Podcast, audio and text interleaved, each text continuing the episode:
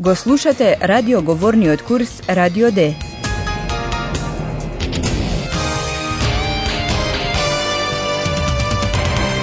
Заеднички проект на Гете институтот и Радио Дојче Веле.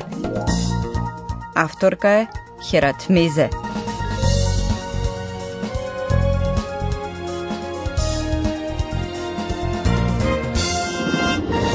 Добре дојдовте во шестата лекција на радиоговорниот курс Радио Д. Може би се сеќавате дека нашите двајца уредници Паула и Филип се во замокот во Баварија, што го изградил кралот Лудвиг II. Таму се случуваат мистериозни работи. Паула и Филип при нивните истражувања доживеа и невообичаена средба. Во замокот видоа човечка фигура во раскошна наметка со бело крзно. Hallo, liebe Hörerinnen und Hörer. Willkommen bei Radio D.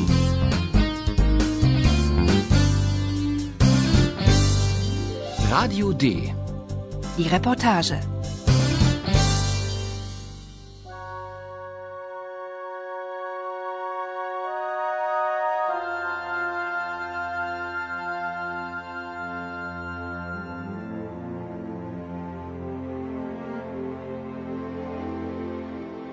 Слушнете а оваа средба. Каква наметка носи човекот? Што тврди тој?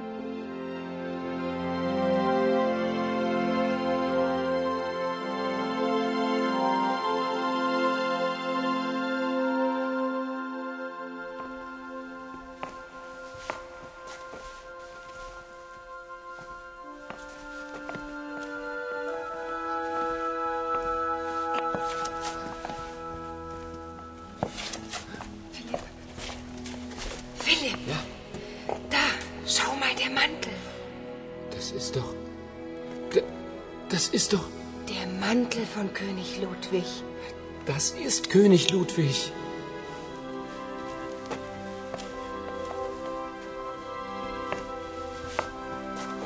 Entschuldigung. Entschuldigung. Wer sind Sie? König Ludwig. Wie bitte? Ich bin König Ludwig. Филип и Паула, вчудо невидени, заклучуваат дека човекот ја носи наметката на кралот Лудвиг. Das ist doch. Das ist doch. Der Mantel von König Ludwig. Кралот Лудвиг на многу уметнички слики е представен токму со таква раскошна сина наметка со бело крзно. Иритирана, Паула му се обраќа на човекот и го прашува кој е тој. Entschuldigung.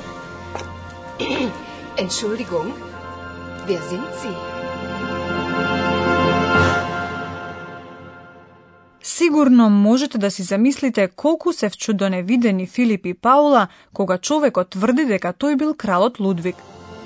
König Ludwig. Ich bin König Ludwig. Значи таму се наоѓа некој човек и тврди дека бил кралот Лудвиг, кој како што е познато почина уште во 1886 година.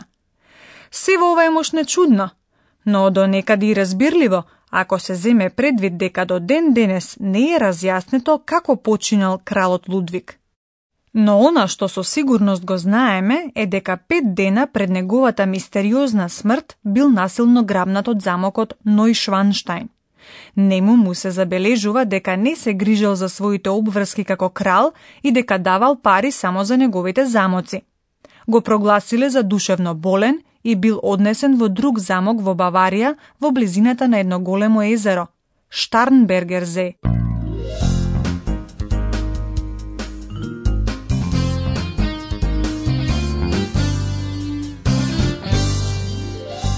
Radio D. Das Hörspiel. А што се случило таму? Слушнете две верзии за тоа. Што се случува во нареднава сцена?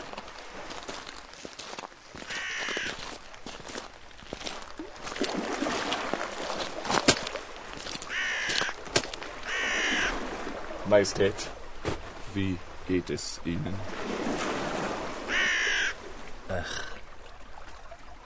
Dr. Wooden. Das Wasser. Majestät? Nein, nein! Halt, Majestät! Halt! Halt! Was machen Sie denn? Halt! Halt! Hilfe! Hilfe! Драги слушатели, тоа беше првата верзија како наводно починал кралот. Неговото височество, кралот, се шетал на брегот на езерото во придружба на својот лекар, доктор Гуден, кој бил задолжен внимателно да ја следи неговата здравствена состојба. Но потиштениот крал влегол во водата, а лекарот, обидувајќи се да го спречи, се дави во борба со кралот. Was machen Sie denn? Halt! Halt! Hilfe! Прашање е зошто двајцата се удавиле во топлата плитка вода и зошто часовникот на кралот застанал час и половина порано отколку оној на неговиот лекар. Дали действото сепак сосема поинаку се одиграло? Слушнете а втората верзија. Што се случува во неа?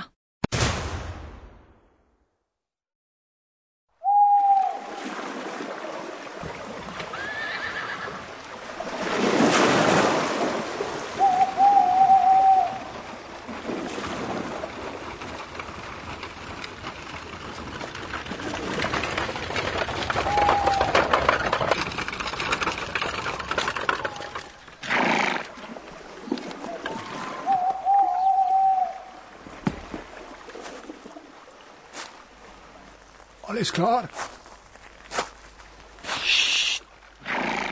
Still. Achtung! Und jetzt und!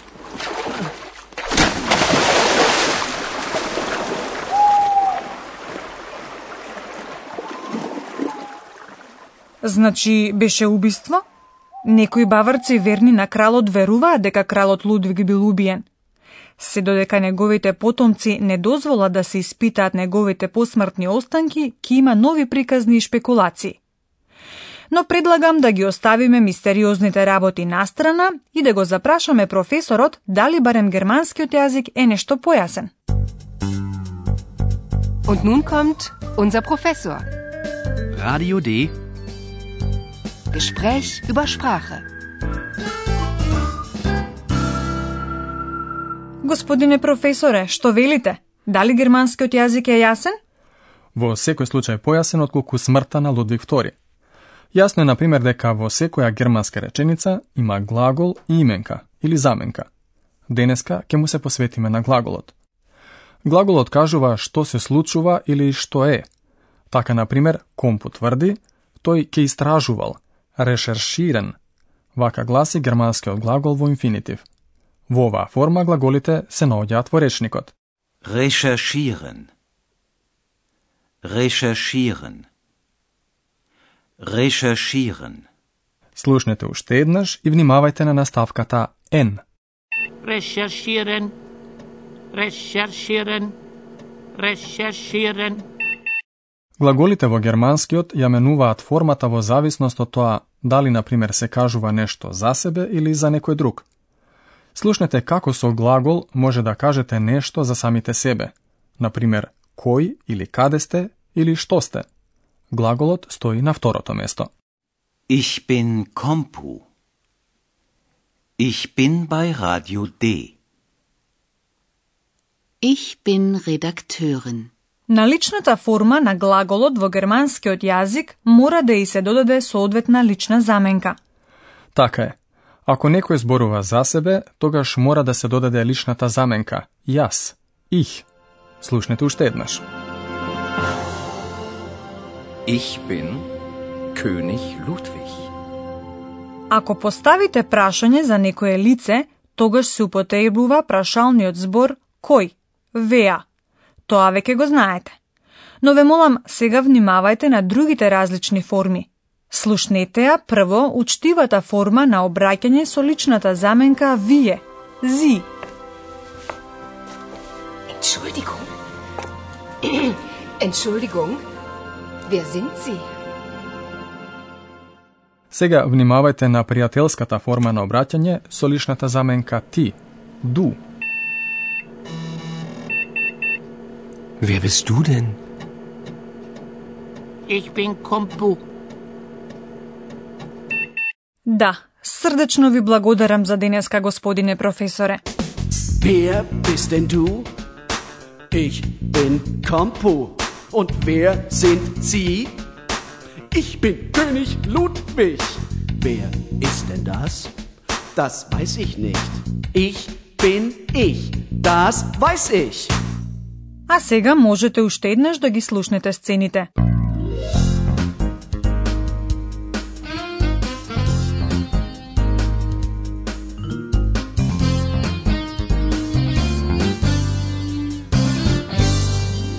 Паула и Филип подолго останаа во замокот Ноишванштајн.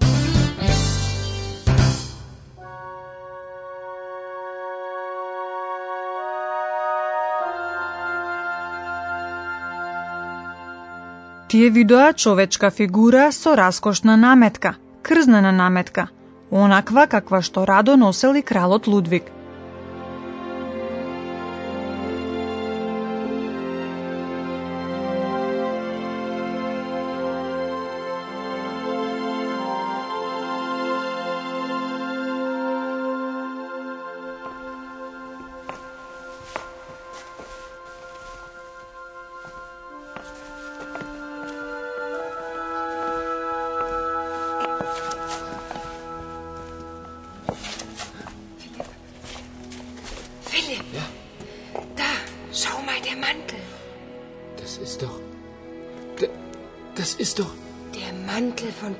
Ludwig. Das ist König Ludwig.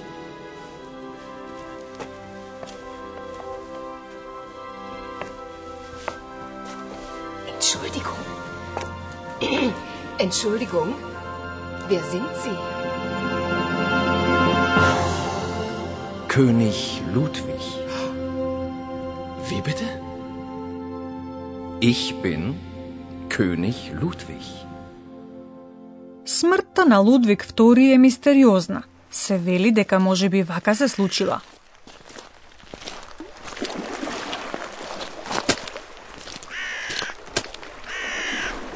Majestät, wie geht es Ihnen?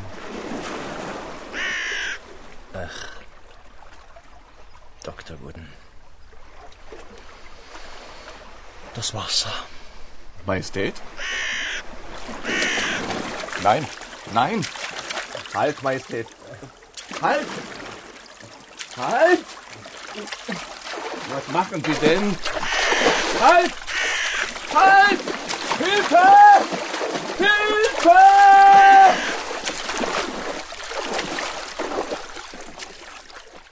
Или пак вака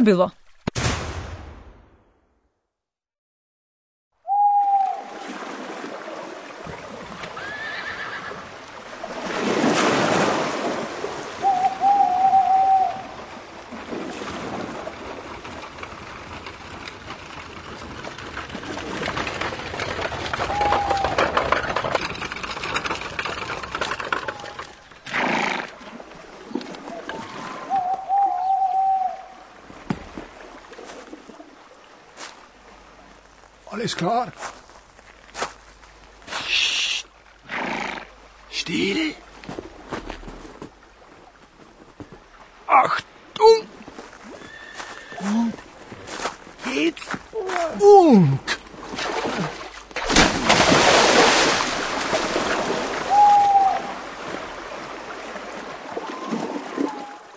Наредната лекција помалку ке зборуваме за смртта на кралот Лудвиг II, а многу повеќе за неговиот живот.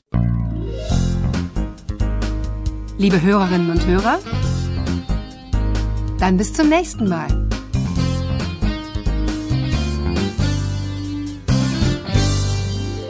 Го слушавте Радио Д, курсот по германски на Гете институтот и Радио Дојче Веле.